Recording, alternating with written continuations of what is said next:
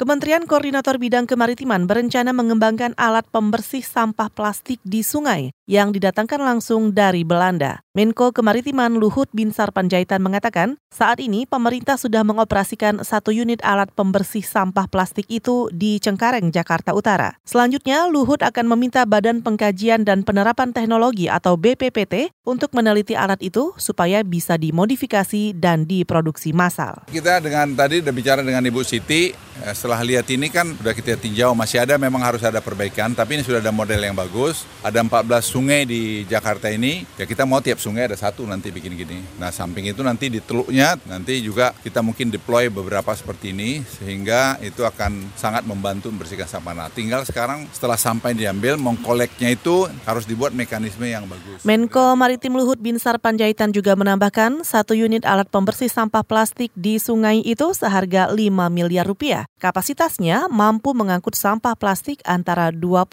sampai 30 ton setiap harinya.